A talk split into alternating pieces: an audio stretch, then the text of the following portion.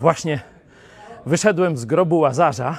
Nie jest to takie łatwe przedsięwzięcie, ale daliśmy radę. Ale nie o zmartwychwstaniu chciałem dzisiaj mówić, choć oczywiście jest to zapowiedź też naszego zmartwychwstania. Jezus powiedział: Kto wierzy we mnie, choćby i umarł, żyć będzie, żyć na wieki.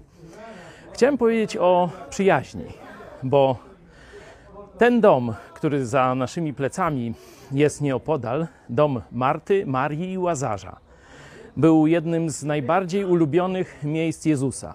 Nie ze względu na mury, oczywiście, ale ze względu na przyjaciół. Z tymi ludźmi przyjaźnił się. To nie byli jego apostołowie, ale bardzo lubił z nimi przebywać.